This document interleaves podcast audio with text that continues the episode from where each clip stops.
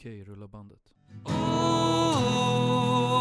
låt mig höra den en sista gång Spela hennes älsklingspodd med Peter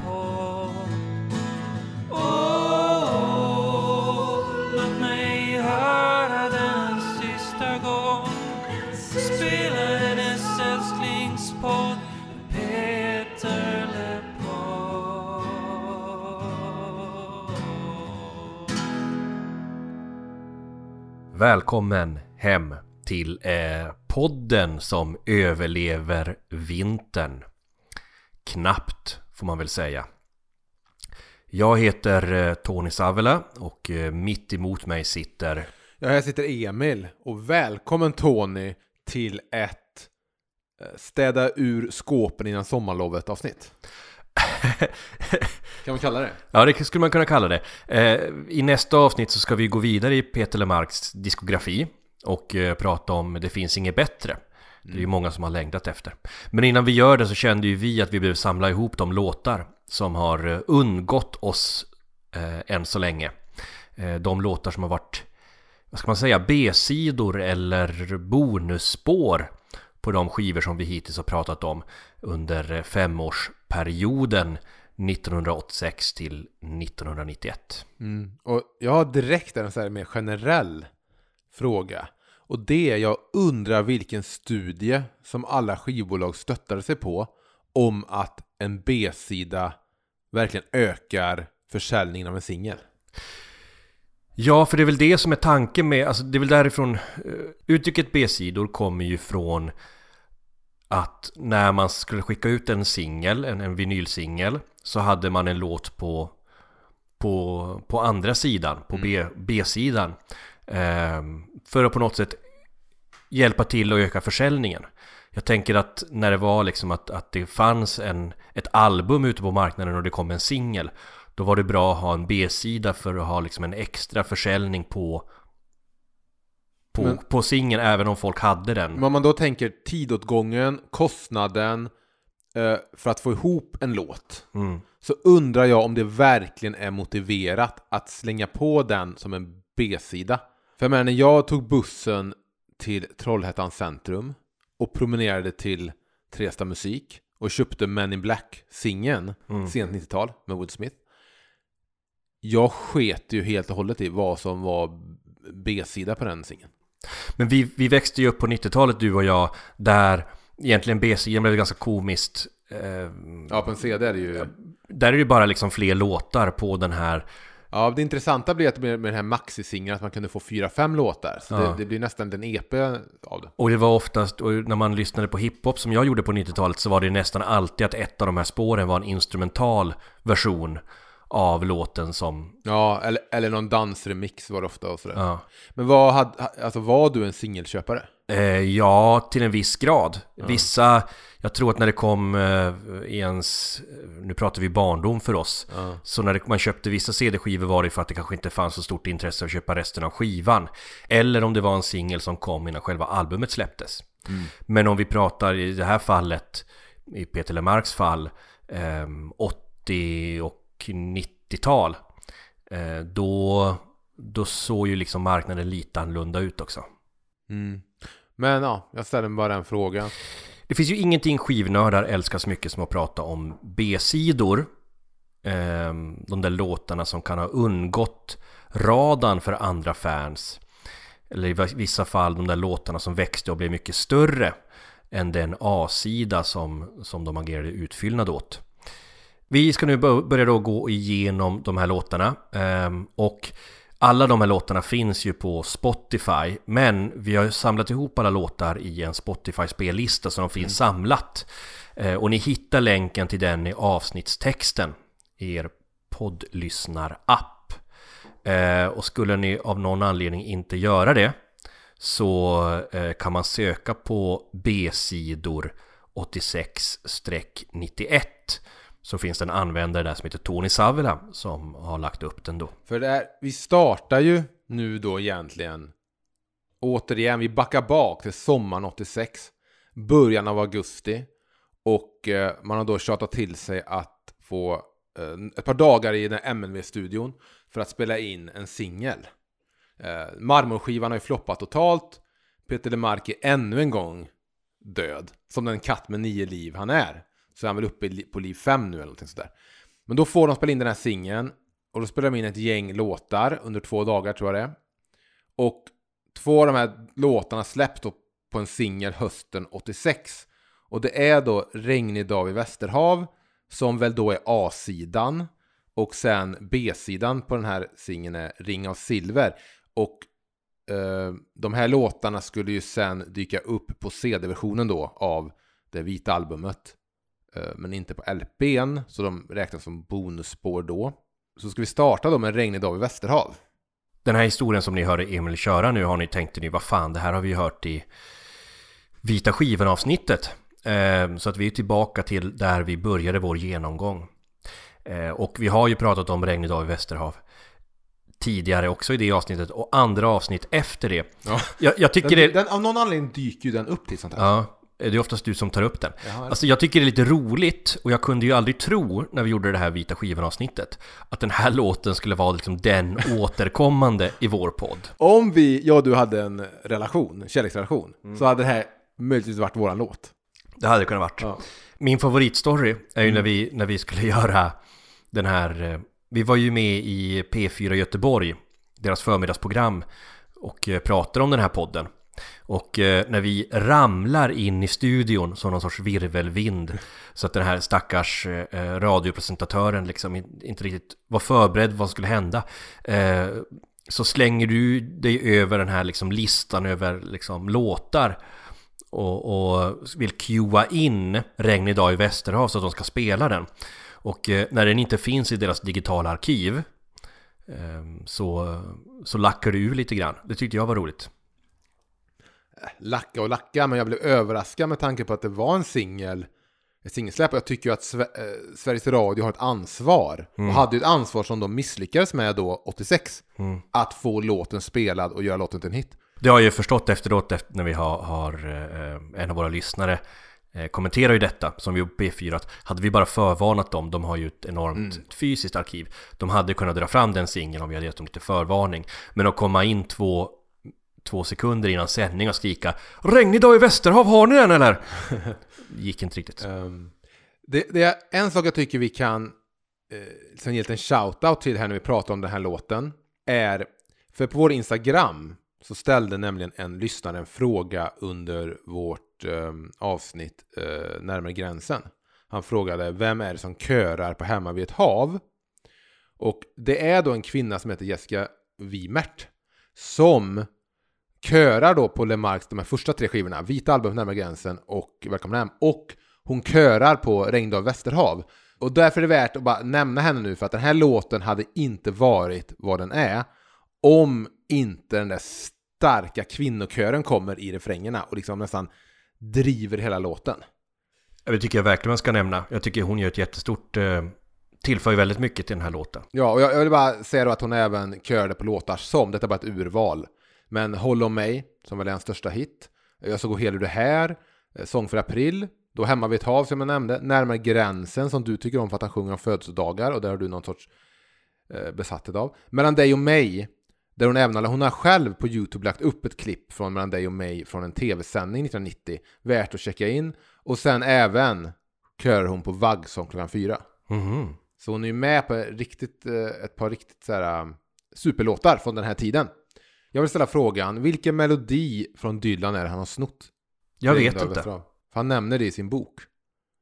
Så det, jag, tror, jag tror att du skulle ha någon, det måste ju vara någon av de där 80-tals, de där skivorna som lever också väldigt mycket på de kvinnliga körerna. Ja.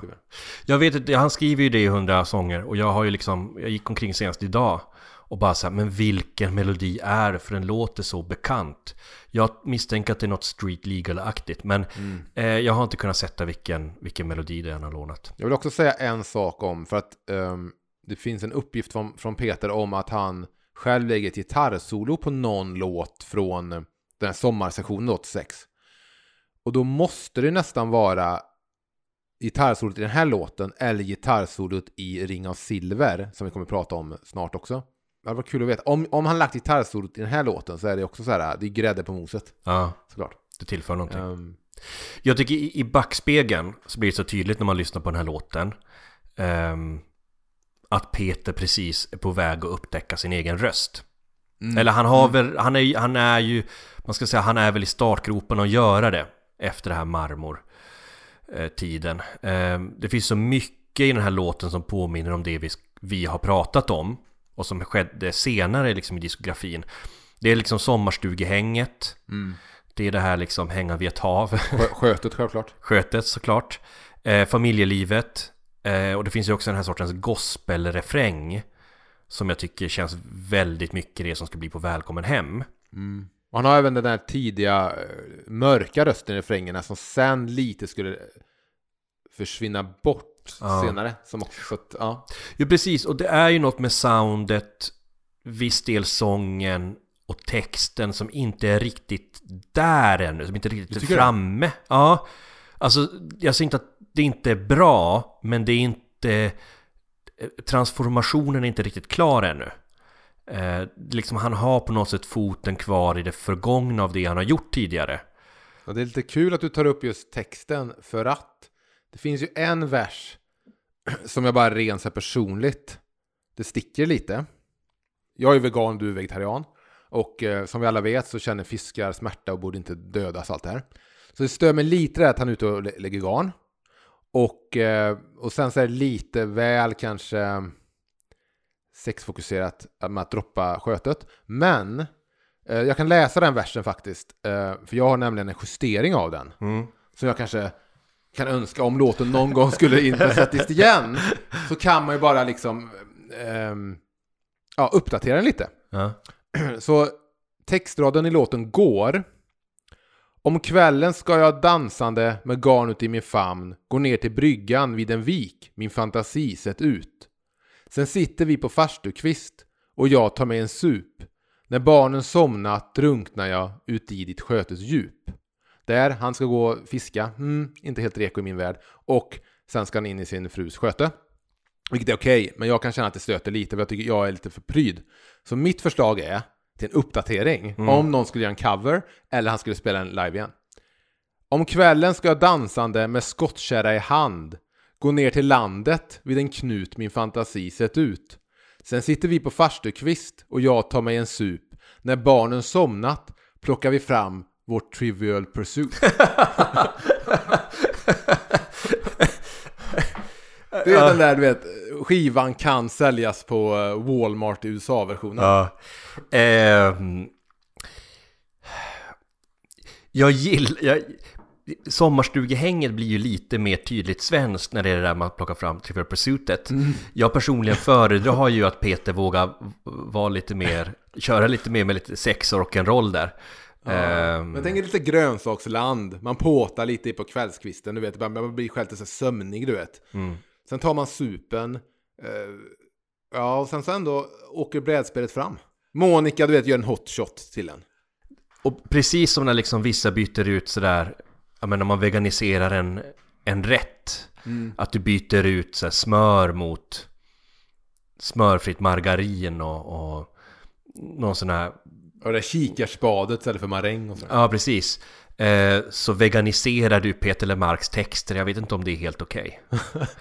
Ja, Det var bara ett förslag, sen får man Ja. göra vad man vill med det. Ja men den där versen som du nämner har jag också tänkt på. Det låter lite grann som att han försöker använda någon sorts här, svensk vislyrik. Någon sorts sådär, jag trivs bäst i öppna landskap. ehm, textande, som jag är rätt glad att han har undvikit senare. Ehm, Det är en balansgång tror jag, Ja. beskrivning av Sverige i låtar generellt. Mm.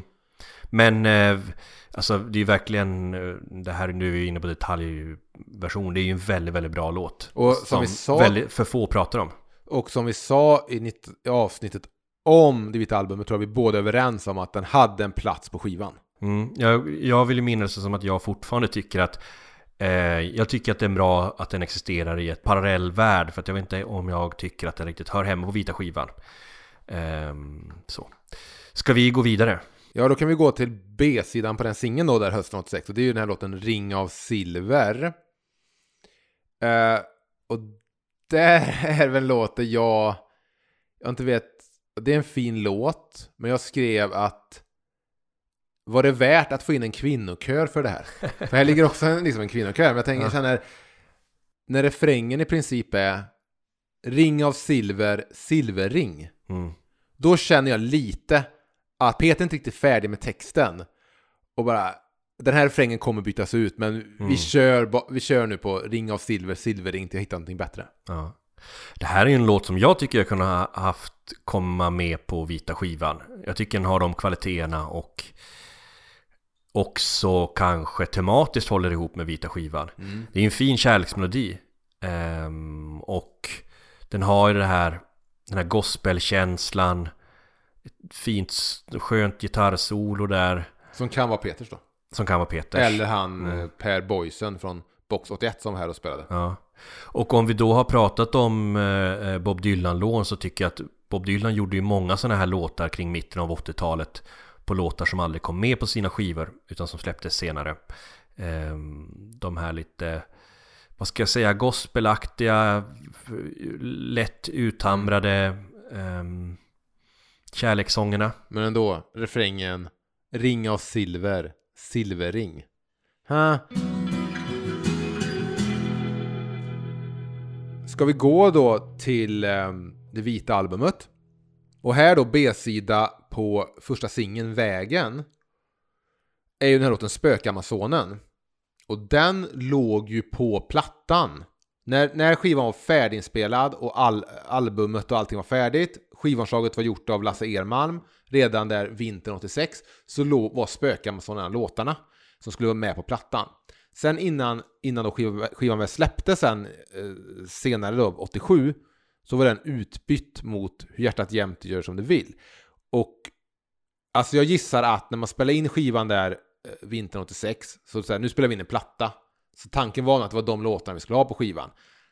Um, så så att, att man byter ut en av låtarna då mot Uh, um, Hur hjärtat egentligen som du vill, som är också inspelad sommaren 86, till den singeln.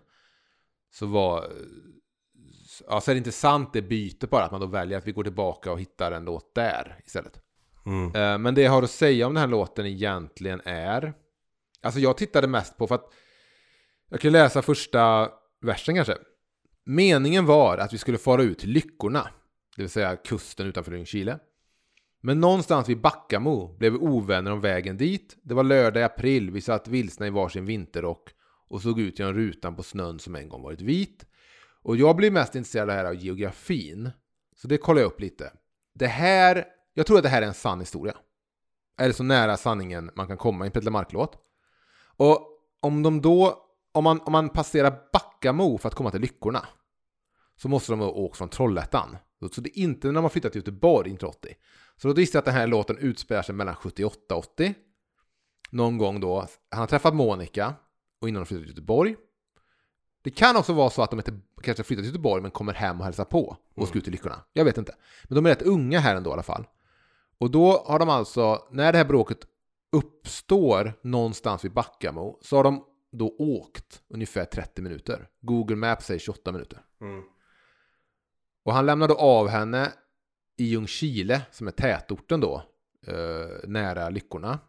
Så jag började i alla fall nysta i, i det. Att det är så här, Ja. okej, då bråkar de 30 minuter i den här resan och då måste de egentligen vara sura på varandra redan innan resan startade. För Ja. på 30 minuter i en bil, visst, det fanns ju inte det här enkla i att, men kolla upp Google Maps då älskling. Ja. Så vi vet vart vi är på väg. Sen kom det här bråket om, om hur man skulle hitta dit. Kanske varit lite irriterat hemma innan, du vet. Peter, han har sovit lite för länge medan liksom det är Monica som har fått packa all liksom... Men det jag undrar då är, eftersom de, eftersom de är så unga här, Peter är ju 2022 här nu då. Mm. Så undrar jag om, och eftersom han sen sätter sig ner. Och Monica är ju en evighet gammal. Är väl gammal. Eh, och eh, eftersom han sen då flera år senare sätter sig och skriver en låt om detta. Mm. Så undrar jag om detta kanske var det st- första stora bråket. Mm. Att det var det verkligen det bråket där någon säger stanna bilen, jag tar en taxi hem. Ja. Jag vill inte vara i närheten av dig längre. Och sen måste han då åka spökamazonen ensam. Första gången man tror att så här, oj, kommer det ta slut? Alltså, Oj, vänta nu, det här var på all... här, Ja, precis. För man har ju alla relationer... Första gången Peter går och köper rosor. Nej men alla, alla relationer har ju det, alla seriösa relationer har ju det att eller vad min erfarenhet, är att man har ju först en, verkligen en sån här smekmånadsperiod och liksom ingenting kan tyckas irritera en. Och sen så kommer det förr eller senare ett första stort bråk som liksom rensar luften och det är ju väldigt bra att ha tror jag. Men det kanske är det vad den här låten är. Ja, jag vill bara nämna så det är nämnt att eh, men någonstans vid Backamo blev vi ovänner av vägen dit. Jag anser att det är ett tandkrämstubsbråk. Ja, det är det verkligen. Jag tycker det är, det är något fint med just att, att det är en sån tydlig återgivning Ja, av det här bråket. Och sen så är- ri- åker spök-Amazonen som refrängen går. Det är verkligen den där känslan tror jag när man har släppt av någon med bilen och så åker man själv och så tänker man så här, var det där så jävla nödvändigt? och du vet det här var också på tiden när det inte fanns så här, alltså, det var ingen värme i bilen du vet. Nej, Och det är så här, snö utan, sitter i den där så här det fanns värme i bil, bilar då. Ja men knappt. Det kan vara så att det var, där värmen var paj. Ja. en gammal liksom, Volvo Amazon. Och så kör han hem där du vet i den här jävla jackan du vet. Och det är Mm. mm. immigt på rutorna och det är så här helt mörkt ute. Han är så ensam på någon jävla landsväg. Mm. Jag ser det framför mig. Alltså jag kan nästan, jag, jag, jag kan nästan säkert någon gång med något ex ha haft liksom ett bråk på väg ut mot lyckorna. Mm. Och släppt av någon i Ljungskile. Alltså det känns som att det kan ha hänt. När man hör det här. Jag tänker nu på, jag, tyvärr har inte jag körkort. Jag har inte varit så många bilar med damer. Vi brukar åka tåg och kollektivt. Ja. Ehm, jag hade hellre lagt ut garn med en kvinna. Men eh, ja, men sådana bråk har man väl haft med det här. Det bråket, vet när man verkligen går åt varsitt... man- Vid något kvarter stannar man och så bara går man åt varsitt håll. Ja. Och så är det lite så här, fan varför sa jag det för? Fan vad dum jag är. Mm. Varför sa jag att hennes brorsa är en jävla idiot? Varför? Jag hade ju en Volvo 240 någonstans där när jag kring var 18-19. Den hade, det var faktiskt roligt att värmepaketet var paj på den eh, när vi Mm, jag köpte den. det. Så att då var det en, en period där man körde omkring i, på sommaren och det var fruktansvärt varmt i den här bilen. Men vi fixade det till slut. Eh, min farsa fick hjälpa mig att skruva lite. Ehm, så att jag, jag kan se mig själv framför mig i en, i en vit Volvo 240. Mm. Någonstans där på, grund, på väg mot Haparanda. Ja. Man släpper av en kvinna i Salmis. Ja, Lyckorna skulle jag också sen nämna i Evelina. precis. Om man får säga något om soundet på låten så låter den ju väldigt så Bruce Springsteenskt Nebraska. Mm. Eh, och det finns, känner jag att det finns en skiva i den här låten och de och förra vi pratade om också, eh, Ring och Silver, Mm. som är något annat än det som blev vita skivan. Något som Mm. var mer Ja. akustiskt och mer sorgset. Ja, det kan jag... Ja, när du säger det, det ser jag framför mig. Jag ser bara att hade den här bytts ut mot låten som jag tycker väldigt mycket om, Hjärtat jämt gör som du vill, då hade det blivit en, skulle jag säga, en, en ganska annorlunda skiva. Mm.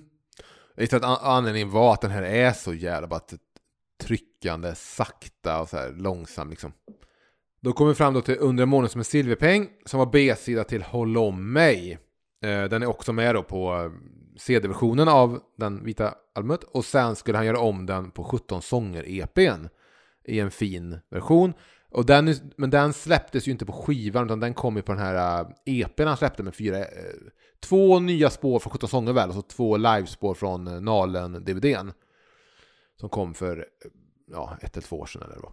Jag känner att det här, det här avsnittet blir ju inte det avsnittet som man ska lyssna på om man är så här ny till podden. Eller Nej. ny till Peter Lemark. Det här är ju precis som en B-sida någonting för de som verkligen vill kalenderbita. Alltså om, om jag säger att avsnittet om, om vita skivan eller det här avsnittet vi gjorde som heter 10 album som Lemark aldrig gjorde eller vad det Ja, heter. ja. Det kanske är här, the gateway drug Ja, som får in folk på att börja lyssna på den här podden.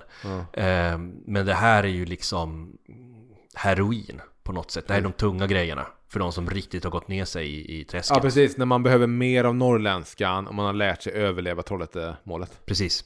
Om man sjunger om att man är vid kanten av vår gröna kanal, vilken stad är man i då? Möjligtvis i Trollhättan då. Mm, så där har vi en, en uh, Trollhättan-referens. Det jag vill säga här är att jag är väldigt säker på att den här låten, då under en månad som en silverpeng, månen, det magiska, utspelar sig på Garvaregatan 4B.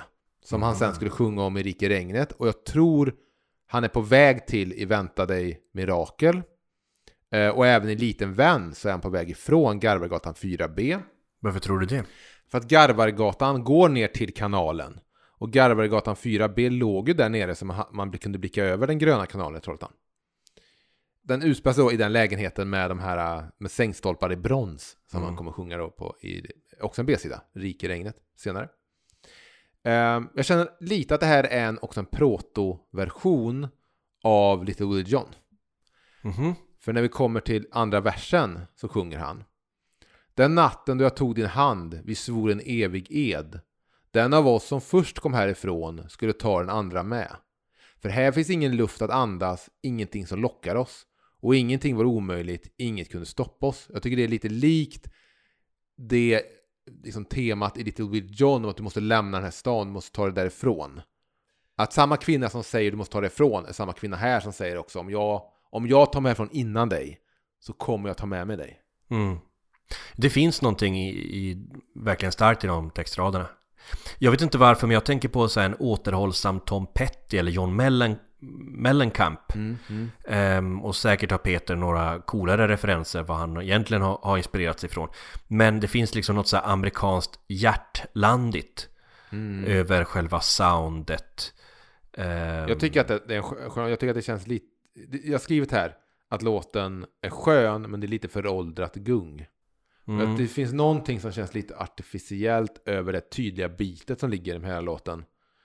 Eh, kan jag tycka. Jag hade nog nästan kunnat haft något lite mer så här, du vet, eh, jazzigt nästan. Eh, eh, med lite så här vispar och sådär. Ja, jag förstår. Men eh, samtidigt har jag aldrig producerat en skiva och jag kan inte spela ett enda instrument. Nej. Men du har skrivit om Peter Lemarks texter. så, att, så, att, så att de ska vara mer Ja, jag, vet, jag, har barnvänliga. gjort, jag har gjort en av hans låtar veganvänlig. Ja. du vet, det är någon kör som gör Peter Lemark-låtar. Mm. Och det är liksom, det börjar någon det börjar någon ung tjej med liksom, du vet, piercad näsa. De är lite oroliga. Kan vi verkligen sjunga om fiske? Ja, men vi har en alternativ text här faktiskt. Ehm, och sen om vi lämnar då under en månad som en silverpeng eh, så släppte en singel sen också då. Eh, ja, det blir tredje eller fjärde singeln hur man nu ser det från uh, Vita albumet. Och det är Väntar i mirakel. Och där slänger han med en marmorlåt som är Bär mig hem. Men den lämnar vi. För vi kommer förhoppningsvis någon gång prata om marmor. Det är lite det vi rör oss mot på ett sätt kan man tycka. Ehm, sen på den här uh, starkare än ord-boxen. Där han har med alla sina skivor. Där är det med ett extra nummer eh, som heter Var är du nu? Som är då en oarbetad grundtagning från inspelningarna där vintern 86. Jag har inte så jättemycket att säga om den låten. Jag tycker det, det känns lite skönt live i studion. Den har ett bra soul-driv. Eh, Jag gillar när han instruerar bandet i realtid. När han Ja, säger det. E-moll och sen så... Ja, det är ett tidsdokument att få höra det. Eh, jag tycker dels att det låter lite som Peter Mörks gamla sound, lite sitter kvar här. Sen tycker jag det är tråkigt att denna låten kanske inte plockades upp igen sen. Eh, och det blir vinter våren 88 när man skulle spela in Närmare gränsen. Jag tror det fanns en möjlighet att kanske arra om den lite och få den. Men jag tycker den är... Jag har skrivit att, jag skrivit här att det är en underbar låt, en riktig pophit. Mhm. Så jag tycker oundvikligen om den. Mm, Och textraden Minns du när vi gick i regnet? Bara för att hålla koll på vår checklista.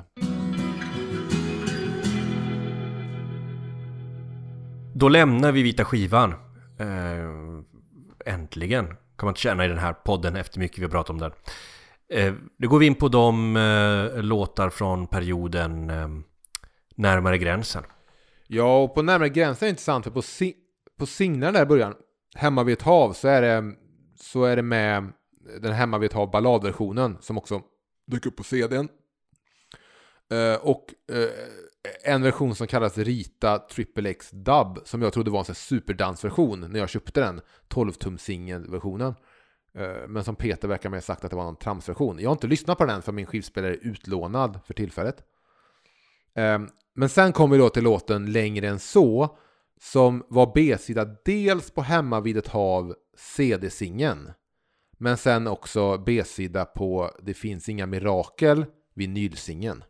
Vi föddes för att celebrera, börjar den.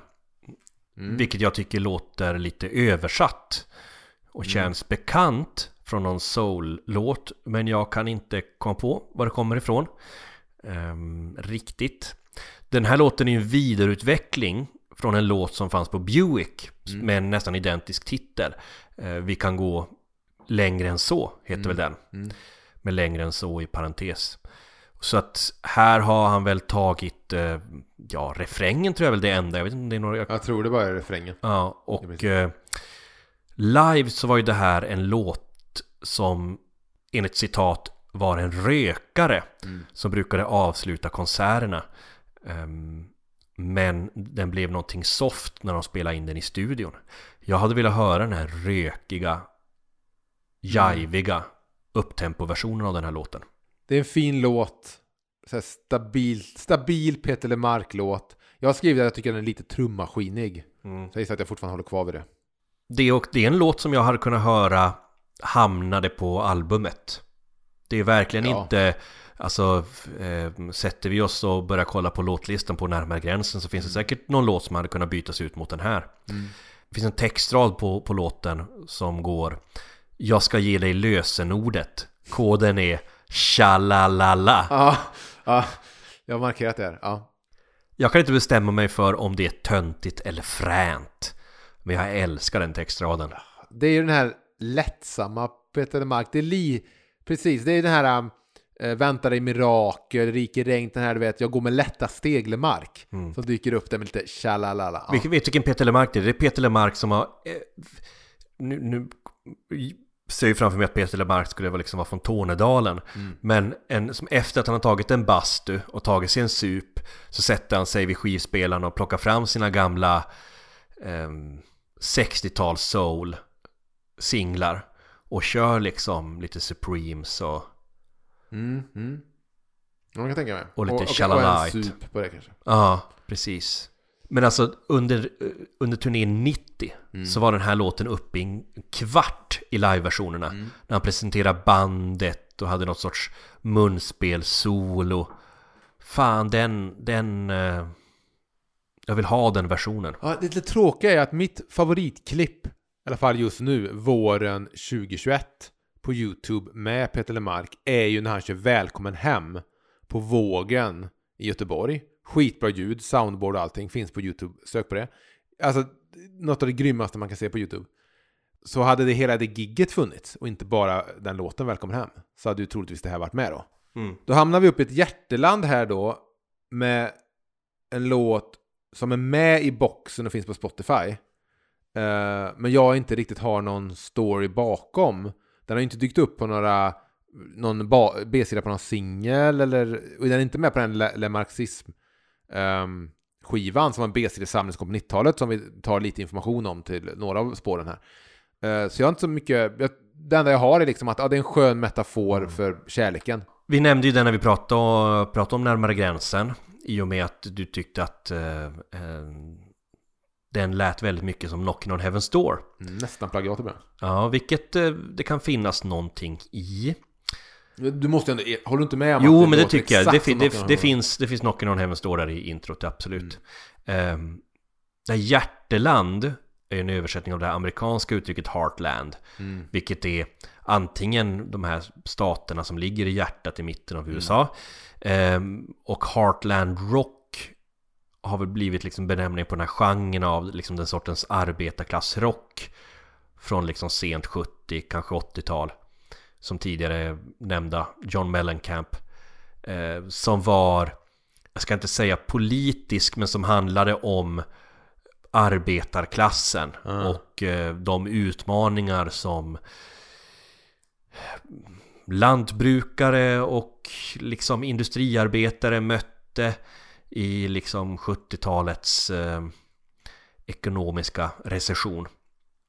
The River är väl en låt som man kanske skulle kunna räkna in i den genren. Men tycker du att det här soundet hör till det då?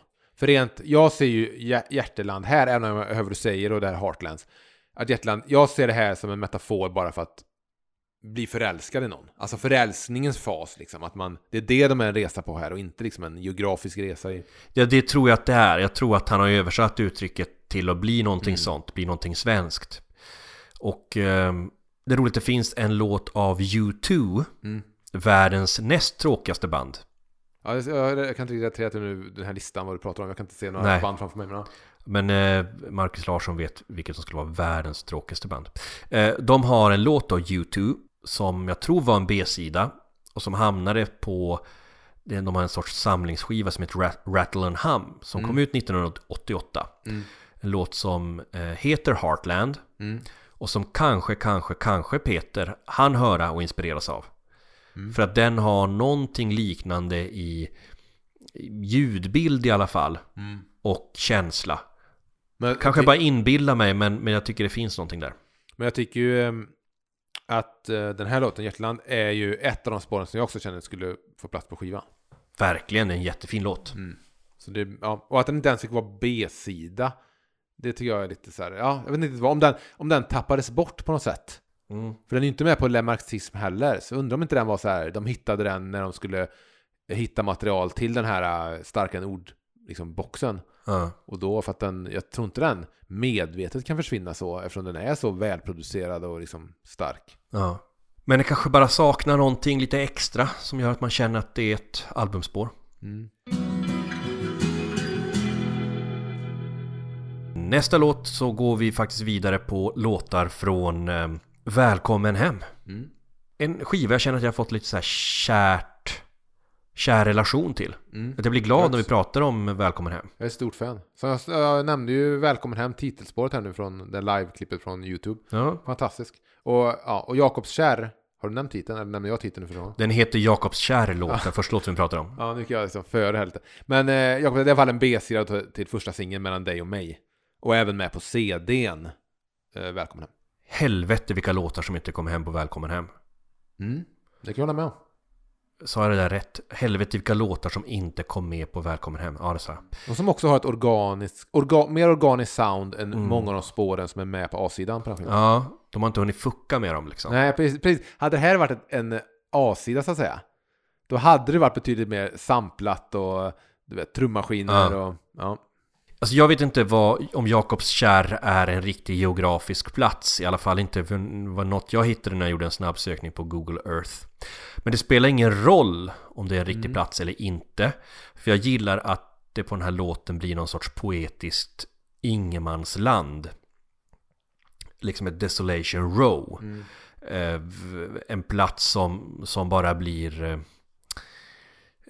en destination eh, och ett snyggt namn.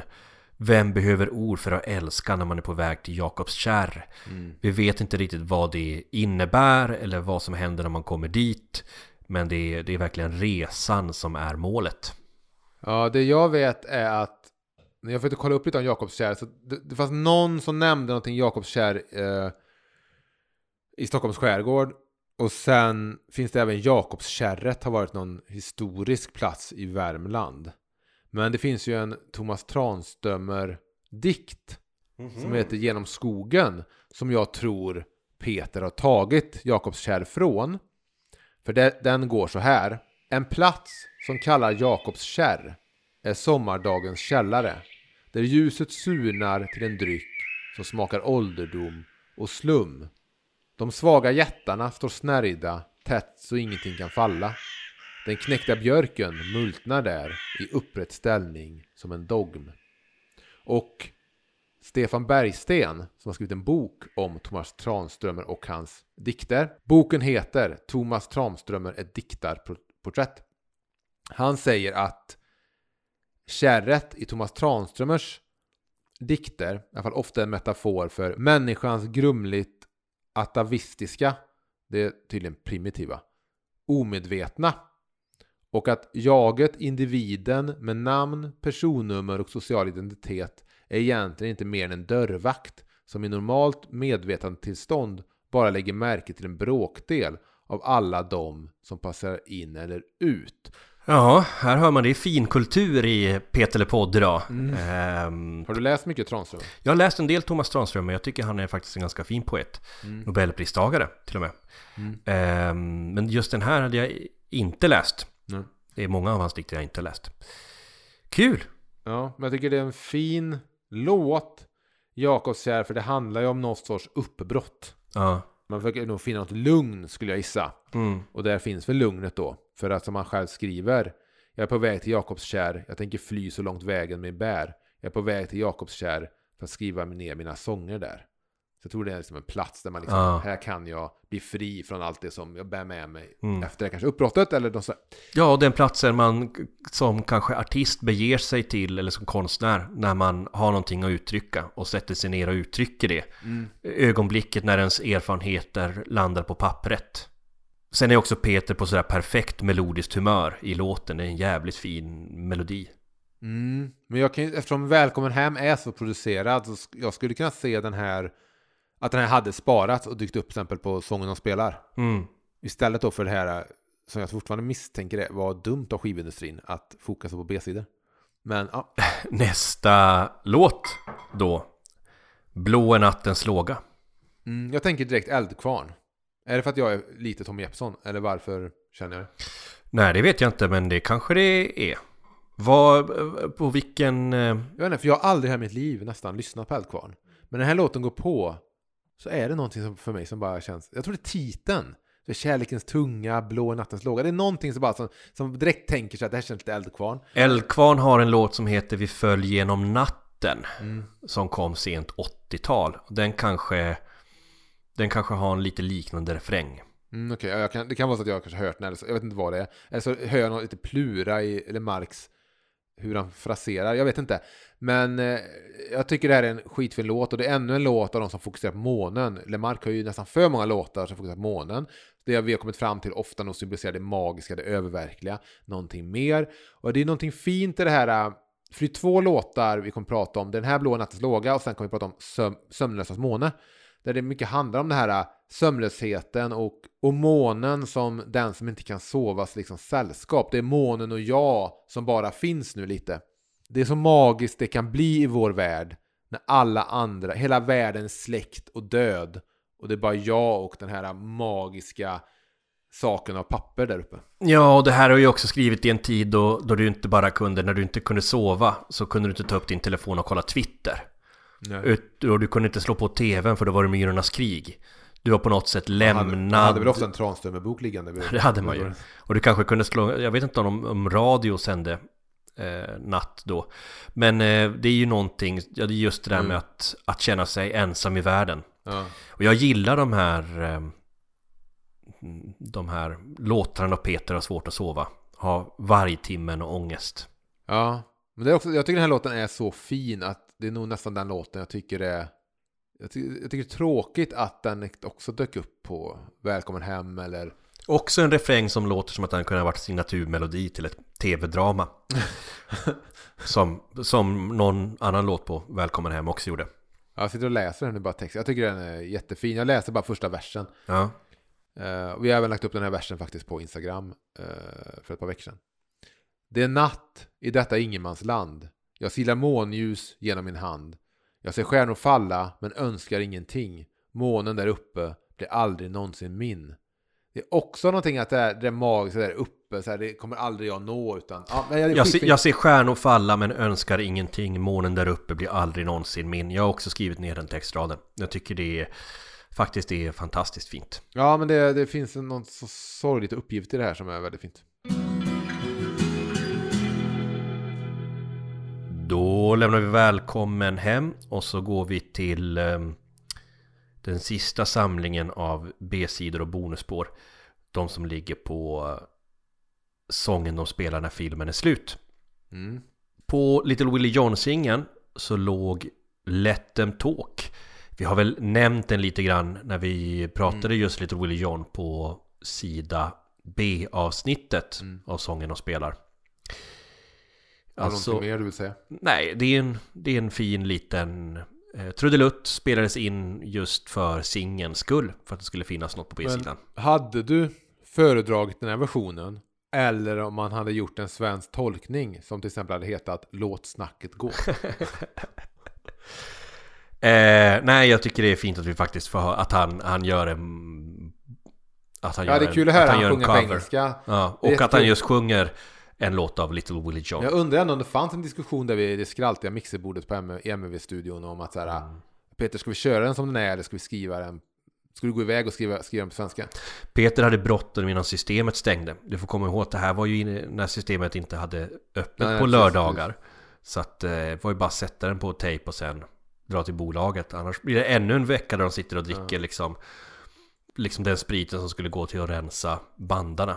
Jag gillar också att den är lite mer så här uh, strippad som lite även Spökamazon är. Mm. Så jag kan inte bestämma mig om jag saknar kvinnokören från Little Willie Johns egen version eller inte. För jag gillar att den är lite dovare och sånt. Samtidigt är det så här, kan inte Jessica sjunga lite där baken då? Ja. Vi kan gå vidare till eh, en låt som heter Som om ingenting hänt. Och den har ju en liten speciell historia. Vill du dra den? Ja, det var ju så då att Eh, jag kommer faktiskt citera nu från Le Marxism-bookleten, alltså till B-seriesamlingen som kom 90-talet. Titellåten, det vill säga närmare gränsen i det här fallet, var inspelad och klockan var bara barnet. Jag hade några jazziga ackord och en melodistump jag ville testa som ett tidsfördriv. Så då fick man ihop den här, lite där, det här, det här jazziga, vad det nu är. Eh, och sen låg ju den lite då och försvann bort. Och sen plockar man upp den igen, detta var så 88, sen plockar man upp den igen 91. Och då eh, kom texten till och då, till den här, eh, det som jag gissar du vill kalla en murder ballad. Jag har faktiskt skrivit här att det är någon sorts murder ballad. För då undrar jag så här, ja murder ballad, visst. Men jag vet nog inte riktigt vad, okej här kommer en fråga. Down by the river med Neil Young, är det en murder ballad? Ja, den går i, i traditionen av en murder ballad. Jag kan ge en förklaring för det här. Alltså orsaken till att vi tar upp det är för att i den här historien som Peter berättar i den här låten så är det en eh, man som, vad är det, han får väl med en kvinna på ett hotellrum och sen så kväver han henne med en kudde Han följer väl med henne hem tror jag. för henne hem och sen så blir han jagad Mm. av polisen va. Ehm, Murder Ballads är ett ehm, är ett, eh, är en, vad ska man säga, en genre eller en sorts låtar som går och spårar tillbaka till 1600-talet. Eh, när man hade offentliga avrättningar eh, på Irland exempelvis. Mm.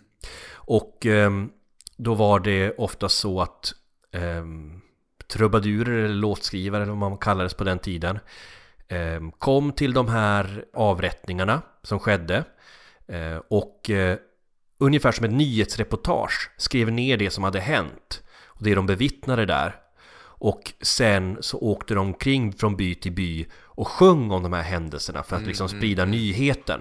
Oftast utspelar de sig från perspektivet av, av mördaren. Ja.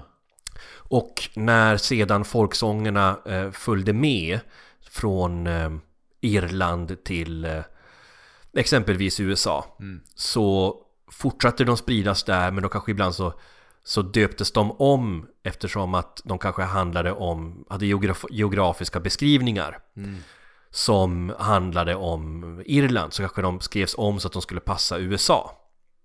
Och exempelvis det finns en eh, gammal amerikansk folksång eller en bluegrass-låt som heter Knoxville Girl. Ja. The Luvin Brothers exempelvis sjöng in Knoxville Girl. Ehm, och... eh, Och Neil Young har sjungit in den Tom Dooley. Ja, precis som jag också tror. Och det är alltså den här traditionen av de här låtarna som, som handlar om mord, men som med tiden kanske börjar ja, förvandla eller bytt innebörd liksom. Okej, så från början var det, in, var det mer liksom bara en historiebeskrivning mer än att det var det här lite edgiga. För när jag lyssnade på Murder Ballads, alltså platt, Nick Caves skiva från 96. Mm. Då, för jag vet att låten Henry Lee där är någon gammal Murder Ballad som han Ja. har cover på. Medan jag tror Where the Wild Growsters Grow som han ju spelade in ihop med Kylie Minogue Mm. och blev en stor hit. Eh, kanske skriver han själv, men jag trodde det bara, nu, ska, ja, nu kommer den australiensiska rockaren Nick Cave och ska vara lite edgy. Jag tror inte tänkt så mycket på att det var Ja, en liksom, nej, det är, det är en jättegammal låttradition som sen har fått lite förnyat liv ehm, med tiden och, och andra innebörder. Och eh, Peter själv påstår ju att Marmor, som vi pratar mycket om, Mm. eh, är en skiva som bär på några murder ballads. Mm, den har ett par, tror jag. Det är någon där, precis, med lite bibelreferenser. Ja. Eh, men, Men- men det här säga, är- skulle du säga att, ehm, att eh, ta kudden över ett ans- en, enda ansikte är ett tandkrämsutbrott? Nej, det skulle jag vilja säga är motsatsen. Det är ju någonting annat. Ehm, Så att det är väl lite intressant att Peter har valt att skriva en sån låt som är verkligen som en sån sorts modern krimpodd eller någonting. Ehm, det jag, den andra delen man kan diskutera av den här låten, om man inte pratar om själva textinnehållet, är ju hur den låter. Mm. Det här är ju något sorts jazz- jazz-experiment av Peter. Mm. Och ehm, han har ju doppat tårna i jazz. Eh, han har gjort några duetter med Svante Turesson. Mm. Ehm, han skulle senare på 90-talet gigga med Johnny Olssons storband. Mm. De som bland annat sen sjöng på låten Hud mot hud på, på Nio vägars bro. Och på Nio Ni- broars väg. Nio broars väg. Och på Nio broars väg så ligger det även en, ehm, en låt. Vi pratar om den sen när vi kommer till den här skivan tycker jag. Mm. Som har lånat melodin från eh, min favorit jazzlåt. Men låt oss återkomma till det. Jag tycker ju att ehm, de tre mest absurda textraderna, Mm, där allting på något sätt ställs på ända. mm, Topp tre, då är det ett från den här låten. Så tog han kudden över ens enda ansikte. Som kommer helt plötsligt från ingenstans. Mm. Sen har vi ju från eh, på andra sidan bron. Hon dog i en gasexplosion. Som också kommer från ingenstans. Och sen har vi ju en stor melon. som också kommer från ingenstans. De tre konstigaste textraderna i Lemarks eh, diskografi. Ja. Eh, Jag vet inte om jag är så förtjust i den här låten om jag ska vara ärlig. Den hör ju liksom inte hemma på någon skiva i och med att den sticker ut så pass. Och blir ju som en udda fågel. Ett bra B-sidespår. Ja, då passar den verkligen bra som B-sida eftersom att då ger B-sidan på något sätt möjlighet till artisten att experimentera. Mm. Eh, Och det här är väl kanske den här sortens lounge-jazz är väl kanske inte den sortens jazz som eh, tilltalar mig. Ehm, Men eh, Claes von Heine, Heine, uttalar man det så? Claes von Heine spelar ett jävligt fint piano i alla fall. Det blir, li, det blir väldigt distanserat när man bara pratar om någon sorts seriemördare som driver runt och kväver kvinnor med kuddar och sen eh, försvinner bort som ett gulnat gräs och allt det där. Det, det blir lite för... Det, men jag tycker det, det är väl ett roligt, rolig liksom stilövning. Ja men det kan blir. man väl säga. Och som om ingenting hänt då, fastän den startar sitt liv 88, så kom den med då på B-sida på Är det därför jag älskar dig så? Och på samma singel så fanns även Mannen i mitten. Men den låten pratar vi om en del i- i förra avsnittet. Så då är vi framme vid Sömnlösas måne, som var en B-sida till singeln Sången de spelar när filmen är slut. Ja, Peter har svårt att sova igen. Mm. Man undrar ju liksom mm, varför har han... Det kan ju vara så att han kanske inte motionerar tillräckligt mycket på dagarna. Det påverkar sömnen. Ja. Ehm, är det för att han sitter uppe för sent på kvällarna? Kollar på film så han har vänt på dygnet? Mm. Mm. Är det ångest? Nästa vecka ska vi prata med en sömnexpert i avsnittet Peter Lemark och sömnen. Nej, det ska vi inte göra. Ehm, kör av Lisa Nilsson tydligen. Ja, och han skriver ju om den här låten. Sömnlösas måne börjar sitt liv som en 60-tals Burt Bacharach-ballad men blev i studion plötsligt någon sorts Philly Soul från 70-talet. Och Philadelphia Soul är då en mjukare understil till soulen som utvecklas i just Philadelphia under början av 70-talet. Och där fick då genren sitt namn. Philadelphia Soul la grunden för diskomusiken och även genrer som Quiet Storm och Smooth Jazz. Och det här känner inte jag till, men jag har ju ändå varit i Philadelphia hösten 2013 och var på en konsert samtidigt som Bruce Springsteen var i samma arena. Eh, Men jag har faktiskt inte känt till detta. Jag tyckte det var fint av dig att du är goda. Eh, Philly Soul, jag tänker ju på Teddy Pendergrass och Harold Melvin. Är väl den, de namnen. Och The OJs, just det, som har gjort eh, några fina låtar.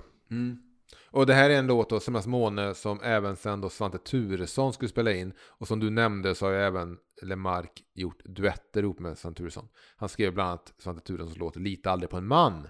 En liten jazzig skön låt som Lemark också sjunger på. Mm. Och nästa låt då, Här kommer din älskling. Har jag fel? Men du gillar väl den här låten? Jag, jag kan säga så här. Att för den här låten, Här kommer en älskling, som vi i Välkommen Hemma-avsnittet frågade oss lite så här, men vad har den här låten för historia? För den verkar ju ändå vara rätt populär eftersom, eftersom han har med den på Bonacera som öppningsspåret. Grym version. Och sen är den även med på Lemark Live från då 2008. eh, där den inleds med Du är bra och sen övergår den till Här kommer din älskling. Och jag gillar verkligen live-versionen Eh, studiospåret tycker jag inte har rikt- riktigt samma energi. Men man, man känner verkligen hur hela cirkus kokar när, på den live-tagningen. Men sen är det som jag vi nämnt innan, men jag tycker det är också en av Peters gå på moln-låtar. Du vet, Väntar i mirakel, Rik i regnet, Under en måne som en silverpeng, Liten vän. Det är de här, du vet, kärleken är så jävla lätt. Mm. Och stora delar av dygnet så spenderar vi nakna ihop. För mig, jag håller med dig om att eh, jag föredrar också den här låten i liveversion. På, på den här studioversionen så, så får jag någon så här rena rama Rolf-vibbar av soundet. Men, eh, ja. så den, den blev ju definitivt eh, bättre när den liksom tog på sig danskostymen och hamnade på livescen. För mig så är det så här, för mig är den här låten handlar ju om hur Peter är på väg hem från jobbet, som du säger, de här Vänta dig mirakel. Ja. Eller kanske till och med uttryckligen på väg hem från turné. Ja, Jag tänker att det är på väg hem efter ett gig jag alltid har sett. Jag vet Ja. inte varför. Men. Men jag tror att han har varit borta och spelat ett par helger. Eller en vecka eller två i alla fall. Och nu är han på väg hem och är riktigt vet pilsk. ja, men precis. Har svårt Vänta- att sitta still i turnébussen. Väntar i mirakel tror jag är en arbetsdag utan sin älskade. Här kommer din älskling är en veckas turné ifrån sin älskare. Ja. ja, för mig är det här när jag har varit När jag har varit i någon liksom Jag har legat ute på inspelning ute i någon eh, västgötsk småstad och bott i någon liten stuga Jobbat 12 timmar om dygnet Och nu är det fredag kväll och jag kör hem och tillbaka till Göteborg och har skickat ett sms liksom hem till Till min tjej som väntar där hemma att liksom här kommer din älskling Precis, lägg champagnen på kylning. Ja, och i Peters fall så ser man verkligen hur han så smyger upp i trapphuset för att inte väcka barnen. Ja, ja. Eh, Jag nämnde, tror jag, i när vi pratade om vita albumet att han använder ordet älskling snyggt i Håll om mig. Håll om mig älskling, det finns en desperation i det. Här när det är sån glädje i det och han använder ordet älskling så blir det lite... Det finns något sötsviskigt i det. det. Samma, jag har väldigt svårt för folk när du vet, deras flicka eller pojkvän ringer och så avslutar de typ med så här, puss puss älskling. Jag klarar inte av det användningen av det ordet. Fan. Lägg ner det bara. Men, och det är lite samma här, att det blir lite så här, och samma Kent har någon låt, jag kommer inte på vilken nu, men de har en låt där, där Jocke Berg ska liksom så här äh, få ur sig ett älskling i låttexten. Och det blir så här, ja, här, det finns en glädje här som funkar fortfarande, men det är ändå lite så här, älskling är ett ord som är lite knepigt. Ja, fast det- blir samtidigt det där stöddiga, här kommer din älskling. Men man kan ju också se det som att det är ju ganska fint att tillåta sig att vara någons älskling. Det där är så långt ifrån mig nu Tony, i min ensamhet, att jag kan inte riktigt relatera. Ja. Ja, och då kommer vi till vad jag gissar är Peter Lemarks kortaste låt. Jag tror att den är 59 sekunder, för det är också vad låten heter. Och den var extra spår på det japanska släppet av sången och spelade när filmen är slut. Så japanerna fick alltså 59 sekunder extra musik än vad vi eh, svenskar fick. Ja. Hårt, tyck, hårt tryck i Tokyo Ja, ja, nej. på, på den här singeln just därför. Etta på Tokyo-listan. 59 sekunder. Eh, ja, jag sa ju att jag tyckte att den här skulle inlett sången och spelar. Bara för att eh, Bara för att den är fantastisk. Texten, får jag läsa texten? Den är ganska kort. Jag är genomskinlig nu. Alla här kan se hur jag mår. Med en andedräkt som snöfall och ögon som bär allt för tydliga spår. Och jag faller och jag faller mot drömmarna som bor i ditt sköte.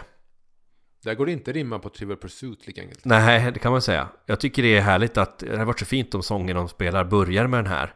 Att man börjar så uff, det här är fint, det här är vackert. Och så kommer det där skötet. Ja, ja. Det är inget fel att sjunga om skötet, jag tycker bara det, det är så... Eh, det, det händer någonting när det... Det kanske, det kanske är med på listan över de absurda Mm. låttextvalen av Lemark, att slänga in det där kanske. Får jag säga vad den här, vad den här låten får mig att tänka på? Bara sättet han bygger upp det. Har du sett filmen, du har sett Spinal Tap? Ja. den här rockumentären om ett, om ett hårdrocksband. Och då finns det ju en scen där eh, det är en av frontmännen i bandet, om man får säga så, sitter vid ett piano och säger det att han är ju också en seriös artist. Han är en artist som vill tas, tas på allvar. Och att han har ju inspiration från Mozart och Bach. Och eh, så sätter han sig ner och så spelar han en otroligt vacker melodi. Och eh, så frågar den här reportern honom så här, säger att det, det var en väldigt fin låt, vad heter den? Eh, It's called Lick My Love Pump. Och eh, på samma sätt så känner jag att Peter Lemark är med den här otroligt finstämda balladen. Man tänker så här, oj, det här är ju, det här är bland det vackraste jag har hört. Avsluta med textraden och jag faller mot drömmarna som bor i ditt sköte. Men då förutsätter du att sköte inte är ett vackert ord. Alltså sköte är ju ett vackert ord, det? men det blir ju, alltså för mig när jag hör den här låten för första gången, när jag Mm. stod i mitt kök, Ja, men det är som att höra hon dog i en gasexplosion. då, ja, han fick min uppmärksamhet om jag säger så. Ja, men om vi lämnar den lilla låten och går över då till en låt som heter Tidvatten. Mm. Som skulle dyka upp på hans första samlingsskiva väl, Hittegods. eh, På CD-versionen, inte på LPn som jag har, vilket är lite konstigt. För LPn blir bara någon sorts greatest hits. Det är på CDn bara som de här äh, extra spåren kommer med. Konstigt val, men det är så det är. Men han sk- började skriva den här låten 1988. Och då var det en artist som heter Ann-Kristin Hedmark. Men det verkar ju inte som att det blev någon inspelning där då. Men sen tar Anna-Lotta Larsson låten eh, till sin skiva från 1990 som heter just Tidvatten. Och gör en fin version. Eh, men sen då spelar Peter in den själv, den kommer på Hittegods. Den är med på Lemark Live-skivan. Och den här spelades ju in ehm, samtidigt som Mannen i mitten. Mm. Vid samma session. Eh, när Peter stod med den här akustiska, akustiska gitarren. Var bakfull, hade munspelshållaren runt nacken. Man får ju säga att eh, så här mycket Dylan har ju Peter aldrig låtit. Men kan du få allting att vara att låta som Dylan? Ja, mer eller mindre. Men i det här fallet så är det ju verkligen Bob Dylan han låter som. Eh, med sin akustiska gitarr och, och munspel. Ehm, Ja, jag kan, jag kan, ja, nu när du säger det. När jag läser det med Dylans röst i mitt huvud så ja. Ja. Och att, att han också kanske rör sig djupare ner i poesin än vad han har gjort tidigare. Eh, Det här är väl en sån Lemark-låt. Här kommer en älskling och den här är väl stora publikfavoriter. För det är någon som skriker ut Spela tidvatten! Där eh, i Konserthuset i Göteborg. Och då spelar han den. Jag tror att det här är en sån låt som... Jag tror att många kvinnor Mm. födda på 60-talet, Mm. kanske tidigt 70, Mm. har tänt ett doftljus, Mm. hällt upp ett varmt bad, Mm. hällt upp ett glas rödvin Mm. och lagt sig liksom i badskummet, lyssnat på den här och gråtit. Ja, men det är ju en väldigt så här äh, rockromantisk låt. Det där en kvinna eller man, beroende på vilken version, som kommer bara för att sen försvinna bort igen. Och förgäves har jag bett doften i ett regn att stanna kvar. Och förgäves har jag bett nattens sista skälvning om ett svar. Och jag har bett dig komma igen, du kvinna kallad tidvatten. Jag bad dig som en vän till vän. Kärleken är ingen självklarhet, inget språk du jämt kan förstå. Men jag dröjer kvar trots att jag vet. Ingen bad dig komma, ingen bad dig gå. Ja, det är en fin, eh, jag tycker det är en väldigt fin låt. Ehm, och som du säger, men du ser det som något rockromantiskt det där med kvinna som kommer och går. precis. Alltså det blir, blir väldigt det där, du vet. Mm. Eh, det är ju inte den här vardagsromantiken du vet. Nu kommer hon hem från Jyske igen. Mm. Ännu en möbel ska sättas upp. Ja. Men hon doftar i alla fall gott. Och räkorna är köpta. Men du ser det som något positivt, eller du ser det som något negativt? Alltså Nej, att man ser, kommer och nej, går som men det är väl mer att det är mer klassiskt romantiskt sådär.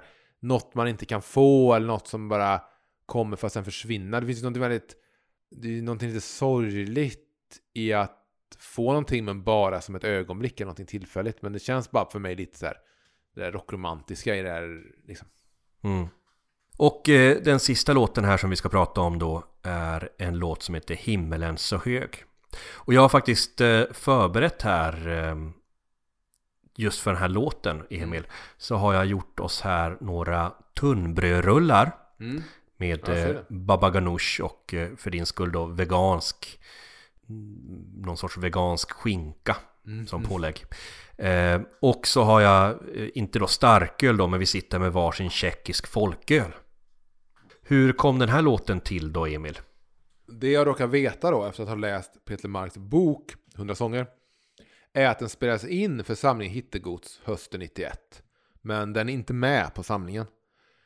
Och sen spelar Anna-Lotta Larsson in den för sin skiva som hette Fem, som kom 92.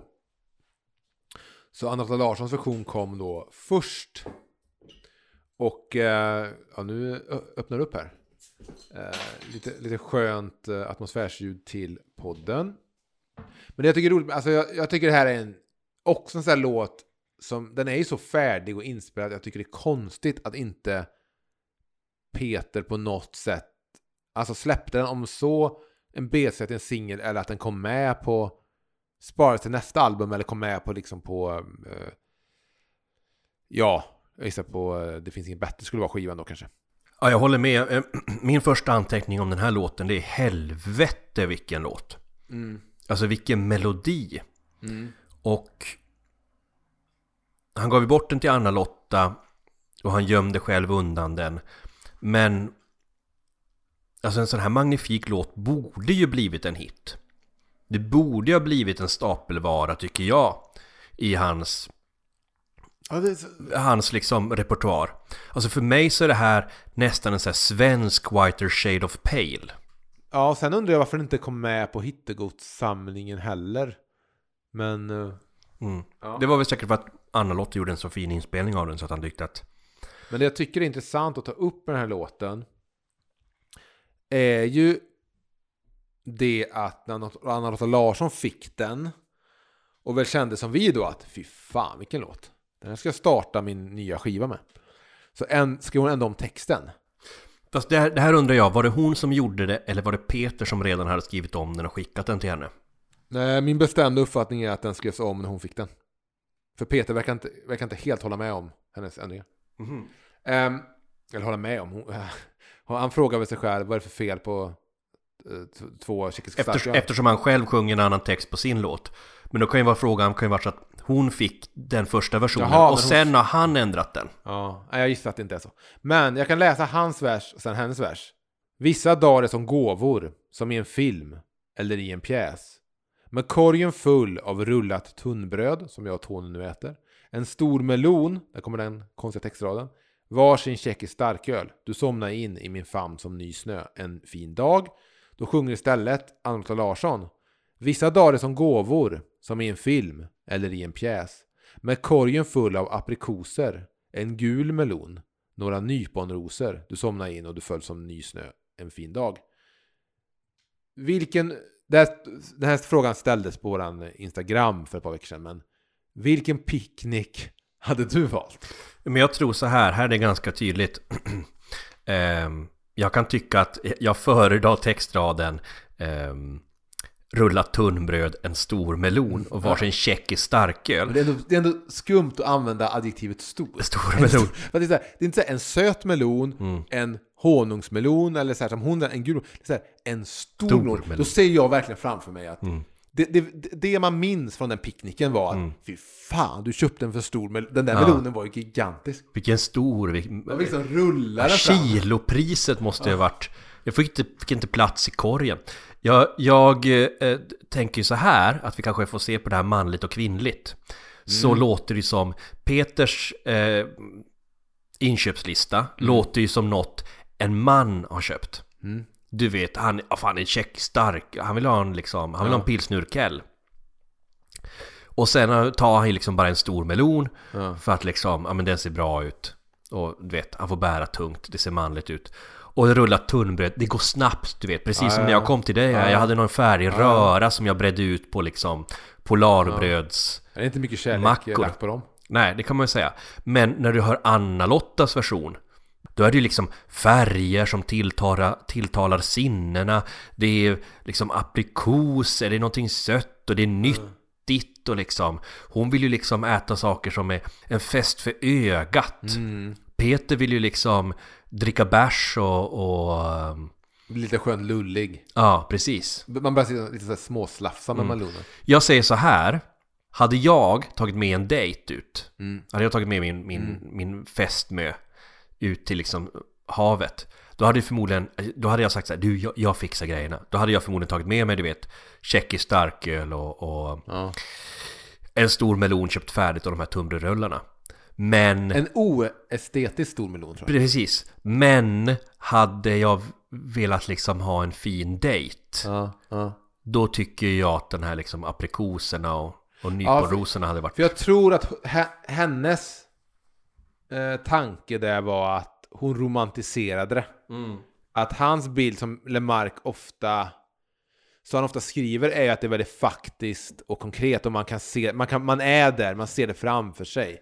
Man kan se den tjeckiska starka och hon mer såhär, det är nyponrosor, aprikoser, det, det blir mer romantiserat. Och det återkommer sen i versen efter, där Peter Lemark skriver, sen kom måndagar med bråk om brödsmulor. Då sjunger Anna Anna Larsson istället. Sen fick vi dagarna, alla de vanliga. De som förflyter utan glans eller glöd. Oavsett vilken version man än väljer Och nu utgår vi väl någonstans från Peters version Så är ju det här, det är ju eh, det klassiska Peter Lemarska Det vi har pratat om, om eh, tandkrämstubsbråk Det är en låt som handlar om de här De här dagarna som bara blev Och som blev så bra En picknick, lite gos, ligga på en filt Kanske ligga med varandra på en filt da- Dagarna man tar med sig i kalla vintern Ja. Är det Och- att äta motsatsen till spökamazonen? Ja, kanske Är det. de dia- diametralt motsatta på något sätt? Och det, och, och det, här, det är det här som vi har pratat om när vi liksom snackar om vagg som klockan fyra. Och sen så lägger man det i skarp kontrast, kontrast till att så här, men det kommer ju de här dagarna, det kommer ju de dagarna man br- bråkar om brödsmulor. Men orsaken till att du orkar bråka om brödsmulor och bli vänner igen är för att du har minnet kvar av de där dagarna då himlen var så hög. Jag tycker det här är en helt underbar soulsalm som men jobbar vidare med ett tema som Peter har sjungit om liksom tidigare. Ehm, men, men också för att han på något sätt med den här melodin Ja. just gör det här att det nästan låter som en psalm. Ja. Att det låter som, det blir nästan någonting religiöst över det. Så upphöjer den också det här vardagliga, man står i köket naken. För övrigt en bild som jag tror att beroende på vilket, alltså vad man är intresserad av. Så kanske man föredrar, alltså vilket kön man är intresserad av. Om man föredrar liksom Anna-Lotta Larsson sjunga om att stå i na- köket naken. Än om man liksom vill se Peter Lemark. Det finns något för alla. Det finns något för alla där kan man säga. Ehm, Men, jag, men att, ja. att, att just samma sättet han bygger upp den här låten till, till det här liksom eh, gospeliga och The OJs som vi nämnde tidigare, den här Philly Soul-bandet. Ehm, Så det du säger är att han borde ha släppt det här som en singel 94 innan uh, Bok på blanka sidor kom. absolut, det tycker jag. Mm. Jag tycker det här är en, en fantastiskt fin låt. Ja, det är en sån där låt där man nästan känner att eh, men fan, det kan inte bara vara ett extra spår i en CD-box. Mm. Eller du vet, så här, det, den här låten var ju, var ju menad att vara mer. Så att... ehm, Jag tror så här, på samma sätt som du har tjatat dig blodig om regnig dag i Västerhav så ska jag försöka tjata mig blodig om himlen så hög. hade det dykt upp en sån hade han någon gång där under sina, de turnéer han har gjort, Mm. tänkt att ja, men jag vill vara lite Leonard Cohen så jag tar med mig den här kvinnokören så bygger vi allt kring min röst och kvinnokören med kanske. Så här, men då hade här den här låten varit med i setlisten så in i helvete. Ja. Jag, eh, nu tjatar jag om Bob Dylan igen, men refrängen får mig att tänka på en Dylan-låt som heter Emotional Yours. Och de är väldigt lika varandra melodiskt. Men jag råkar faktiskt veta att, att Peter Lemark inte har stulit den eh, därifrån. Detta ständiga Dylan-nämnande i den här podden. Mm, ja, jag Det, vet. det är så att jag nästan tycker det är skönt att vi har nått vägs ände. Med just det här avsnittet. Men eh, nu är vi ju färdiga med den här perioden. Och tycker jag. Vi har samlat, eh, jag tror vi har dragit i de tåtar vi kan dra i just nu. Så att vi ska nu gå vidare och prata i nästa avsnitt då om eh, Det finns inget bättre. Det är dags tror jag att ta sig an den Mm. gigantiska jävla plattan. Ja. Eh, Vi kan inte skjuta upp det mer. Då får vi ändå göra så att vi får tacka våra lyssnare att de har orkat med oss. Vi har haft några avsnitt här i rad och vi har hållit lite intervjuer. Eh, så nu har vi egentligen fått tjata lite grann om, om eh, låtar igen. Vi... ehm, om det är så att det är någonting man vill säga oss eh, så får man ju jättegärna skicka någon kommentar. Eh, antingen genom våra sociala medier. Vi har vår Facebook-sida, vi har vår Instagram-sida. Då får man jättegärna följa oss. Eh, vi har en e-mailadress som är ptelepoddet.gmail.com eh, Jag har startat en Twitter. Eh, det har inte hänt så mycket där ännu men en, vi finns på Twitter också. Det är ju någonting. Vi, vi, vi finns på Twitter men inte Donald Trump. Så kan man säga. Nej. Ja, Vi har ju den här intro och outro-musiken som är gjord av Kristoffer Hedberg från Easy Oktober och ibland ska jag tycka att det här introt vi har är det absolut bästa med podden. Ja, det är någonting vi alltid måste sträva för att nå upp till kvalitetsmässigt. Ja, Vilket är, precis. vilket är jobbigt, Mm. måste jag känna.